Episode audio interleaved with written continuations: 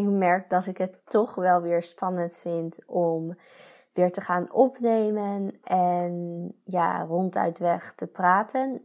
Ik had het toevallig van de week ook. Toen had ik een soort van um, ja, groepscoaching, om het zo maar even te noemen. En ik kende al die andere mensen nog niet. Het was de eerste call. En dan wordt er een vraag gesteld en dan ga je het hele rondje af. En dan merk ik toch dat ik denk van, oh oké, okay, zo meteen ben ik aan de beurt. Zal ik nu zeggen, ja, uh, ik wil wel of um, uh, ja, laat mij maar als, als dat wordt gevraagd. Of wacht ik toch tot het allerlaatste moment, wat bij mij best wel vaak gebeurt. Dan ben ik een van de laatsten. En dan praat ik en dan praat ik maar door, door, door. En dan denk ik later, oh shit, dit is helemaal niet wat ik precies wilde zeggen. Ik had juist dit en dit opgeschreven. En ik schrijf het dus vaak ook nog alvast op, omdat ik vaak weet dat als ik helemaal begin te praten, dat ik dan helemaal in dat moment zit en dan vergeet te zeggen wat ik eigenlijk wilde zeggen. En dat betekent niet dat wat ik dan in plaats daarvan zeg fout is of wat dan ook, maar toch gaat dat dan zo door mijn hoofd. En dat heb ik ook met het podcasten. Dus juist weer een hele goede oefening, zal ik maar zeggen.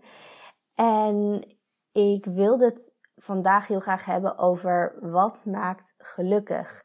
Want ik merkte gisteren toevallig, had ik eigenlijk gewoon een hele leuke dag. Ik had mijn uh, financiën gedaan, want ik had die middag een afspraak met mijn boekhouder voor de BTW-aangifte en ook een beetje om het jaar 2020 af te ronden qua financiën. En dat was heel leuk. Ik vind het super leuk om met administratie en financiën en dat soort dingen bezig te zijn.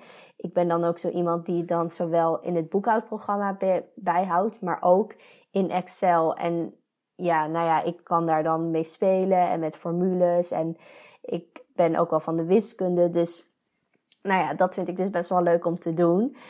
En in de avond had ik dan een voltige, of nou eigenlijk al in de middag. En verder had ik gewoon gezellig met de hondjes gespeeld, gewandeld, um, met David uh, gepraat en gewoon gezellig. Was een leuke dag en de training zelf van voltige ging wisselend, maar er zaten echt wel een paar goede en nieuwe dingen bij die, die lukten. En ook een aantal dingen die helemaal niet lukten. Dus dat was gewoon zo'n training dat je denkt, ah, oh yes, ah, oh yes. Dus um, al met al wel echt wel een fijne training. En toch kan ik dan aan het eind van de dag soms zo'n gevoel hebben van, ja, oké, is dit het dan? Is dit het leven? Is dit wat je elke dag weer in en uit doet. En natuurlijk doe ik niet elke dag mijn financiën, heb ik niet elke dag voltige. Ik heb wel elke dag de hondjes en ik zie mijn man natuurlijk elke dag.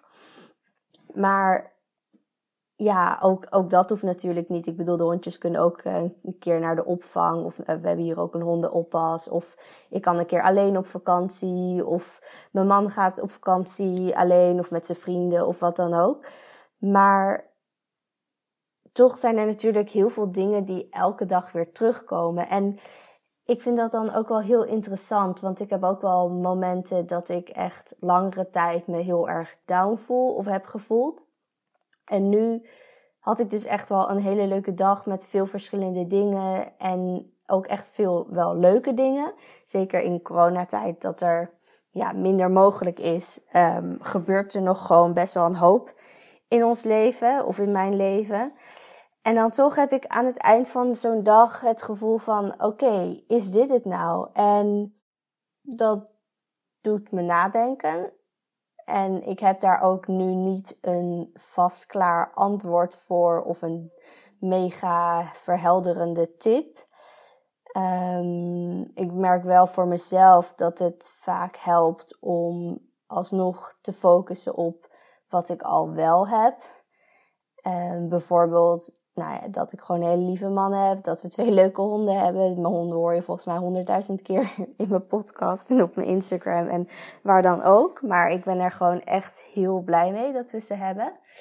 Of nou ja, dat klinkt ook zo raar dat je ze hebt. Want het voelt ook als meer dan een hond. Maar als ik dan even een ander voorbeeld geef, bijvoorbeeld mijn werk. wat ik nu doe rondom podcasten. En ik ben nu ook een beetje aan het kijken of ik mijn werkzaamheden wat kan uh, verleggen naar ander soort uh, VA, virtual assistant taken. Dat vind ik heel leuk om te doen. Maar aan de andere kant weet ik ook, over twintig jaar zie ik mezelf dit nog steeds doen. Ik denk het niet. Niet omdat ik het dan niet meer leuk vind, maar meer omdat ik van mezelf weet dat ik van afwisseling hou, van nieuwe dingen doen hou. En um, ja, geen idee ook hoe ons leven er dan uit gaat zien over 20 jaar. Ik bedoel, dan ben ik 45. Oh, dat klinkt echt heel oud. Nou ja, sorry als je 45 bent en je voelt je nu offended. Dat is helemaal niet heel oud. Maar gewoon als je dan, als jij 45 bent en je denkt, oh, over 20 jaar dan ben je 65, dan voelt dat ook gewoon veel verder weg van je. Of veel ouder dan, dan, dan jij nu op dit moment bent. Maar met mijn werk dan focus ik me regelmatig ook op van dat ik wel gewoon vanuit huis kan werken. Dat ik kan werken van waar ik maar wil. Nu vanuit Zwitserland, maar ik zou ook vanuit Nederland kunnen werken. En ik kan mijn tijd heel vaak gewoon zelf indelen. Ik bedoel, ik heb op dinsdag en donderdag altijd al vanaf de middag voltige en ben vanaf een uur of drie al weg. Ja, dat kan ook niet met elke baan. Dus dan probeer ik me vooral dus te focussen op wat ik wel al heb. En ik ben ook weer actiever bezig met dankbaarheid. Ik uh, schreef vroeger vaak mijn dankbaarheid op, maar ik merkte dat dat dan toch al snel een soort van moedje werd. En de ene keer dan kon ik daar mega in, ja, in zitten, dat je echt zo in zo'n flow zit. En honderden pagina's kan volschrijven met dankbaarheid. Of nou ja, honderden is wat overdreven. Meestal is het bij mij gewoon een paar regels of uh, misschien een keer een bladzij, maar meer ook niet hoor. Maar het werd op de een of andere manier nooit echt een gewoonte. Dus ik heb het nu anders aangepakt. En wat ik nu dus doe, is dat ik elke avond drie dingen zeg in mijn hoofd waar ik dankbaar voor ben. Dus ik hoef het niet op te schrijven en ik hoef het niet te noteren. Ik zeg het gewoon in mijn hoofd. En ik probeer het een beetje te koppelen aan het tandenpoetsen. Alleen ik doe dat niet helemaal regelmatig. Dus ik probeer het vooral dat gewoon in de avond, einde van de dag, als ik richting bed ga en meestal ga ik dan tanden poetsen of soms douchen of wat dan ook, dan bedenk ik drie dingen waar ik dankbaar voor ben. En heel vaak zijn dat toch dat de hondjes daarin voorbij komen. David komt daar regelmatig in voorbij. En veel ook gewoon dagelijkse dingen. En toevallig deed ik van de week ook een opdracht samen met David. En dat was tien dingen opschrijven die ik wekelijks doe, zie of meemaak. En dat hielp me echt wel om meer nog de kleine dingen te waarderen. Want dat zijn dan dingen die wekelijks terugkomen, dus best wel vaak in je leven. Ik bedoel, ik hou ook heel erg van reizen en op vakantie gaan, maar dat is niet iets wat ik wekelijks doe of, of maandelijks. En de laatste tijd eigenlijk helemaal natuurlijk niet met uh, corona, omdat dat nu gewoon even niet kan. Um, dus dat is misschien ook een uh, kleine tip om eens te doen. Ik kan wel delen wat bij mij op het lijstje kwam.